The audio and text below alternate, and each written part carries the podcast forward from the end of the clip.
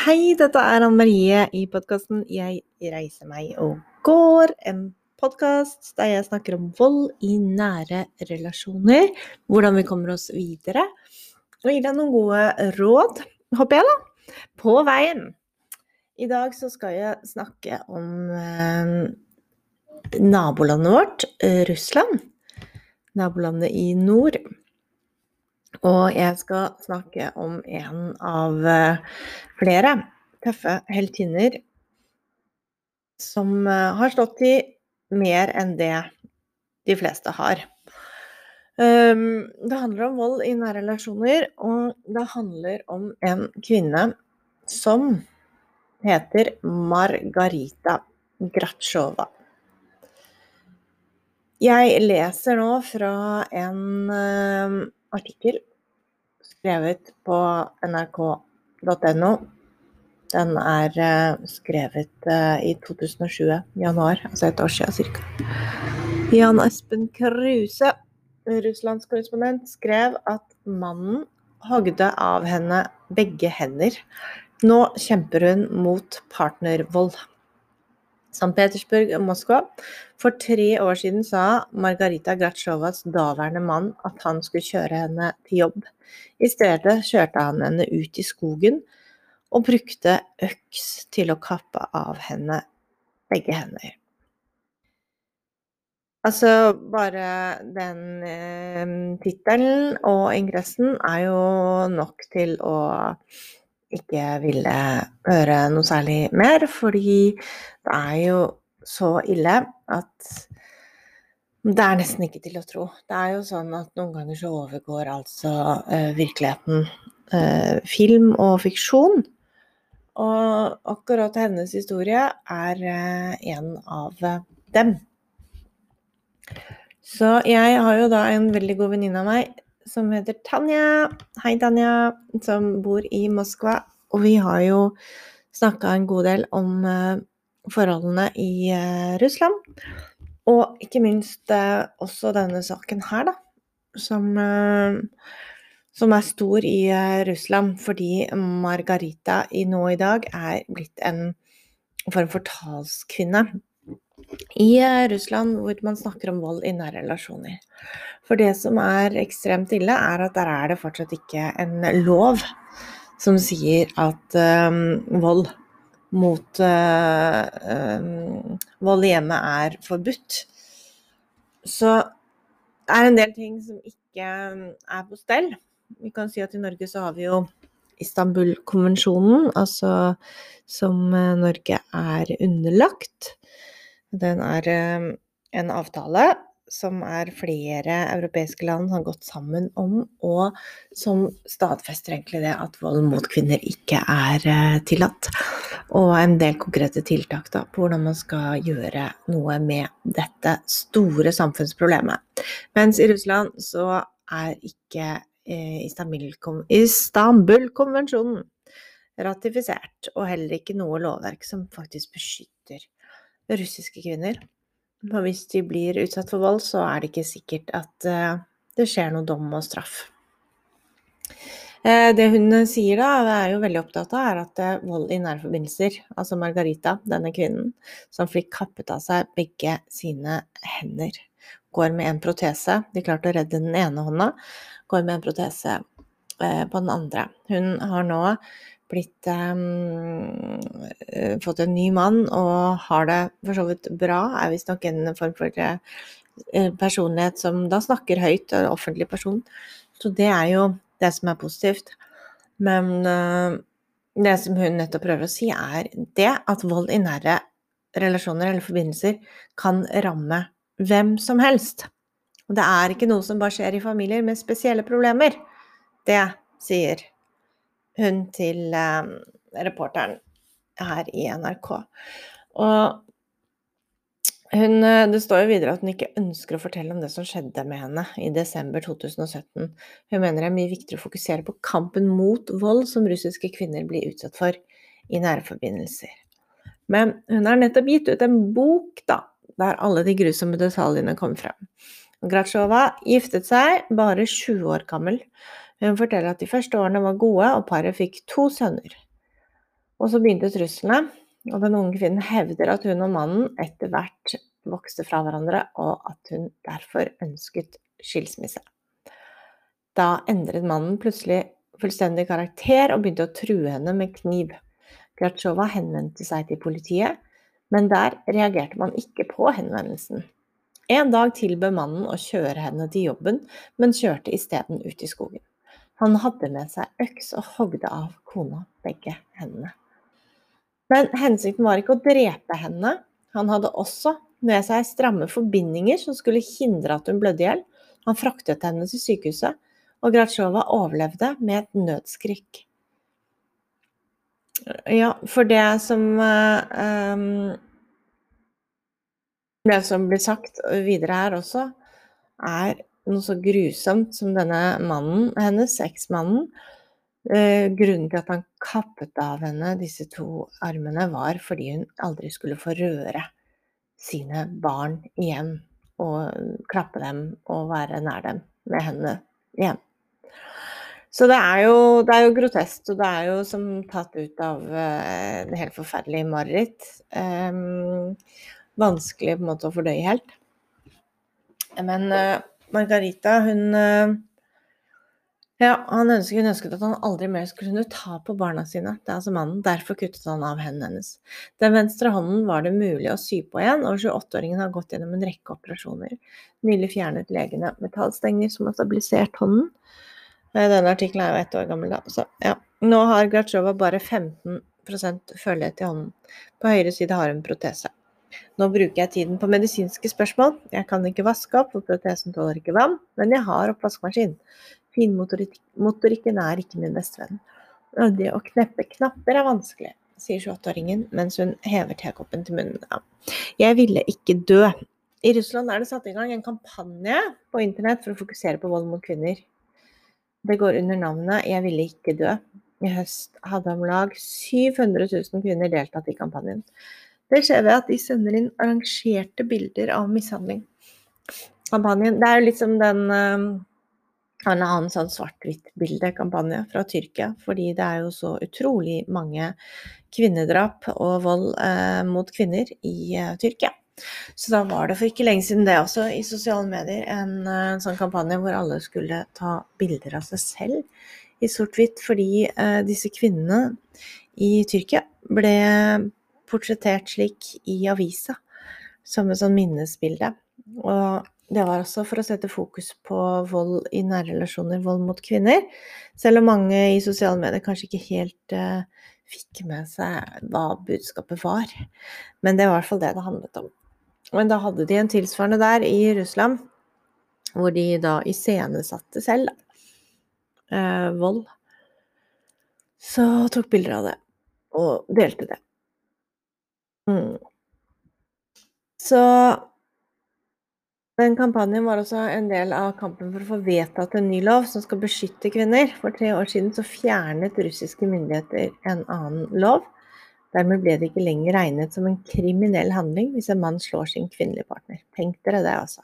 Det er ikke en kriminell handling å bli slått av sin partner.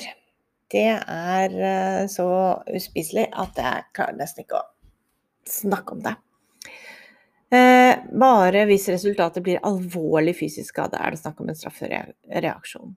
For det som skjedde med eh, Margarita her, var jo at eh, man ble jo satt i fengsel. Men hun hadde jo først vært i kontakt med politiet. Han hadde truet henne med kniv, og de hadde ikke gjort noen ting med det. Og så videre så skjedde denne groteske handlingen, og da ble han satt i fengsel. Og så er det en annen sentral um, aktivist og kvinne i denne kampen for å beskytte kvinner mot vold. Det er advokaten Aljona Popova. Og hun mener at situasjonen i Russland er langt mer alvorlig enn i de fleste land det er naturlig å sammenligne med. Etter min mening er det en epidemi av vold mot kvinner i vårt land, sier Popova til NRK. Hun påpeker at Russland er blant de 18 land i verden hvor kvinner har minst beskyttelse mot vold.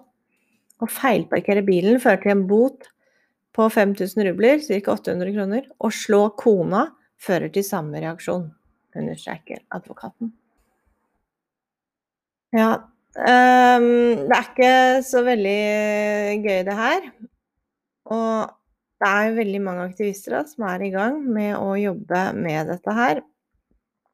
Og det viktigste er å snakke om at alle former for vold er farlig, og at man skal bli dømt, og at man skal bli beskyttet, og at de skal ha en lov hvor kvinner faktisk ikke blir engang beskyttet. Det er jo helt sinnssykt. Det er det. Så uh, utrolig sterk, denne kvinnen, og flere av disse russiske kvinnene.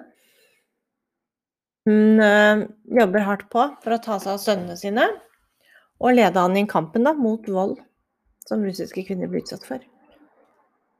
Og hun er en stor, stor uh, heltinne i mine øyne og i russiske kvinners øyne, og i sikkert hele verdens øyne.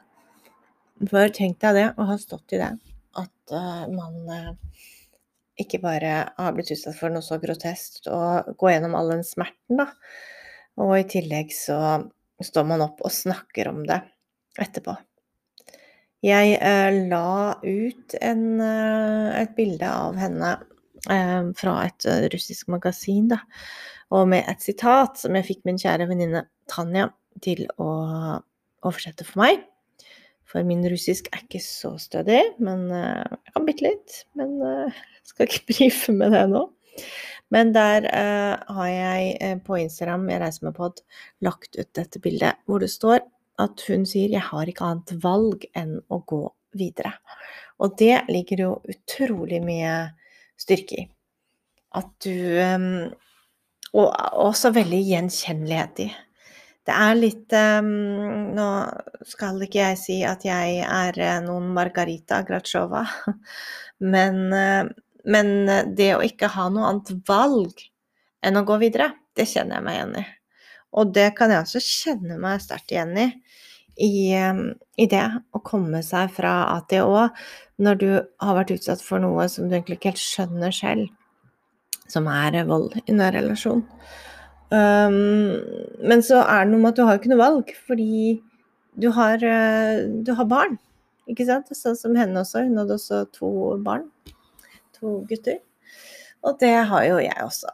Så det er noe med at hvis du har uh, barn du skal ta vare på, komme deg videre, og livet skal fortsette, og du skal trygge deg og alle videre, så har du faktisk ikke noe valg. Og jeg tror veldig mange mennesker, i motsetning til det andre tenker og tror, så tror jeg ikke det ligger det at man kanskje har en sånn kjempeinnbakt superheltinne, styrkekrefter i oss, men jeg tror ofte det rett og slett bunner i det at vi har ikke noe valg. Fordi alternativet er hva da? Det er å gi opp, og alternativet er å øh, dø.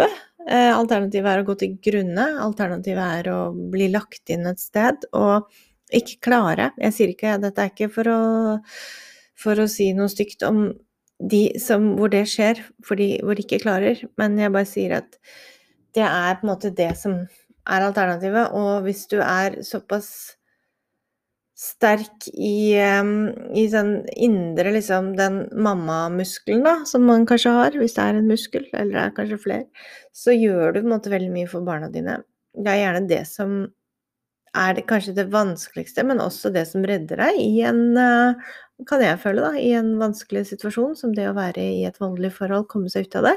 Fordi du gjør faktisk alt for de barna dine, for at de skal ha det bra. Og mer enn det du egentlig ante selv var uh, mulig. Og du gjør det fordi du må, du, og fordi du elsker dem. Men hadde du på en måte ikke hatt noen du måtte det for, så kanskje det hadde vært større sannsynlighet, da at man hadde bare kollapsa. Hvis ikke Margarita Gratsjova hadde hatt to sønner, som hun tenkte at de må jeg ta vare på, de skal jeg leve videre for. Og i tillegg nå er hun jo hun har en ny mann og har det fint. Selv om hun har um, masse smerter og ja, har en protese og har en eh, arm eh, eller hånd mindre og mye smerter, så, så har hun på en måte gjort alt hun kunne. Tenk deg den der ja, storyen der. De barna hennes og hun. med tanke på da alt hun har gjort for, eh, for dem og for henne, og ikke minst nå også ved å snakke om vold i nære relasjoner og få endring av lovverk, få ting til å skje. For vi kan jo ikke bare sitte her og, mm, og snakke om hvordan vi skal bli sterke, og hvordan vi skal komme oss videre. Vi må jo også få konkrete endringer i eh, lovverket til å skje. Og det gjør man jo bare ved å belyse dette her. Det, så ja, det er det er uh, fucking political, som Skunk Nancy sa. Yes, it's uh, fucking political. I, um, en låt for lenge siden. Det er det. Så vi må jo gjøre noe for å få en endring, og endring skjer bare ved å belyse det uretten som er. Så vi har jo masse å gå på her i Norge også. Ehm, vi er nok ikke der eh, som eh, de er i Russland, det skal sies. Vi er nok eh, hakket lenger frem, men ikke på alle punkter. Vi har fortsatt en rekke utfordringer å ta tak i. Den ene er jo alle disse henlagte sakene, familievoldssakene, som mer eller mindre ikke blir etterforsket engang. Eh, er også når du står i uh, familievoldssaker, sånn uh, hvordan, uh, hvordan, de faktisk foregår. Det er mye å ta tak i der også. Og så er det jo um, det at kvinner skal beskyttes, ikke det motsatte. Ikke sant? Ikke det at det er kvinnene som skal fortsette å leve i redsel etter at de har forlatt et voldelig forhold og en voldelig mann. Det er veldig viktig å huske på. Fordi livet er jo sånn at du forlater det voldelige forholdet, men mannen til da eh, Margarita i Russland, han ble jo satt i fengsel. Men det er jo ikke alle som blir det, av disse voldelige mennene der ute. Og nå sier jeg menn fordi det fremdeles er først og fremst menn, da, som begår eh, slike alvorlige voldelige handlinger. Og med alt som har med vold i nære relasjoner å gjøre. Så når ikke den du er, um, har anmeldt, en gang kanskje får noen dom, og saken ikke blir etterforsket, og du skal fortsette å leve livet ditt som en fri, såkalt sterk kvinne i et land hvor vi snakker om likestilling som om det var den mest naturlige ting i verden, så er kanskje ikke den likestillingen så Den står kanskje ikke så sterkt likevel. Når du faktisk da må ta så mange hensyn til hvordan du skal um, klare deg i hverdagen og leve livet ditt. Hvis du må leve det mer eller mindre i skjul. Hvis du må prøve å holde mest mulig avstand til denne uh, tidligere eller ekspartneren, den voldelige partneren. Hvis du er redd, hva er livskvaliteten din da? Og hvis du er redd for barna dine, hvordan er egentlig den livskvaliteten din? Det er som alt, du lærer deg å leve med veldig mye her i livet, men det er allikevel også sånn at lover og regler må endres for å trygge de som skal trygges. Det er ikke slik at kvinner gang på gang på gang på gang er de som skal være ofrene sammen med barna, med å være livredde og engstelige. På grunn av hva da? På grunn av at den voldelige mannen som utsetter dem for vold, får være fri og få fortsette, mer eller mindre, med å trakassere.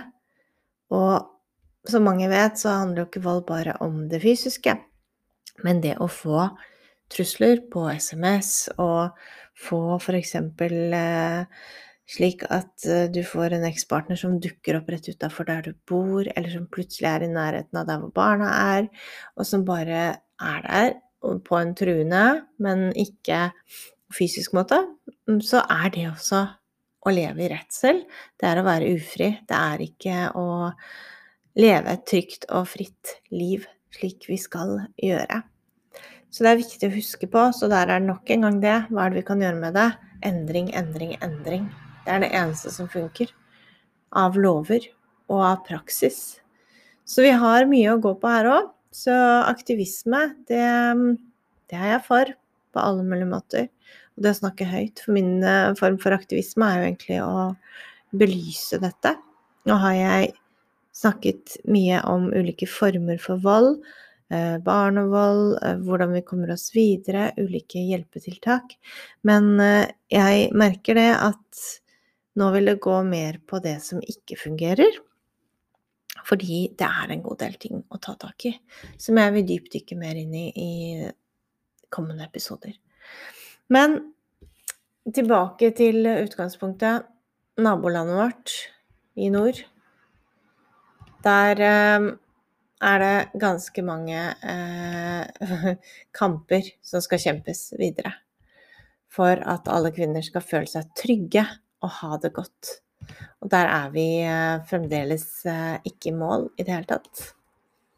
Men da kan vi jo bare si at kvinner som Margarita Gratsjova, som står frem og snakker om dette og belyser det, er helt uvurderlig viktige, ikke sant. Og også nevne eh, denne andre aktivisten og advokaten, Aljona Popova, som også er en del av eh, disse sterke russiske kvinnene som jobber for en sak som eh, er viktig en, på verdensbasis, ikke sant. Det er like viktig i Norge som det er i, uh, i Botswana, som det er uh, i Russland og som det er i Sveits. Det er ikke noe forskjell. Er, vold i nære relasjoner er et internasjonalt problem. Og det er dessverre fremdeles slik at altfor mange kvinner og mennesker lider under dette. Så vi har lang vei å gå, um, men takk og lov for at vi har uh, disse kvinnene. Takk, Margarita, for at hun og du står frem på den måten. Nå hører ikke hun meg sikkert, men kanskje min kjære venninne Tanja kan uh, oversette denne episoden til russisk. Ok, da håper jeg du uh, får en fin dag videre. Så snakkes vi igjen om en uke. Klem fra Anne Marie.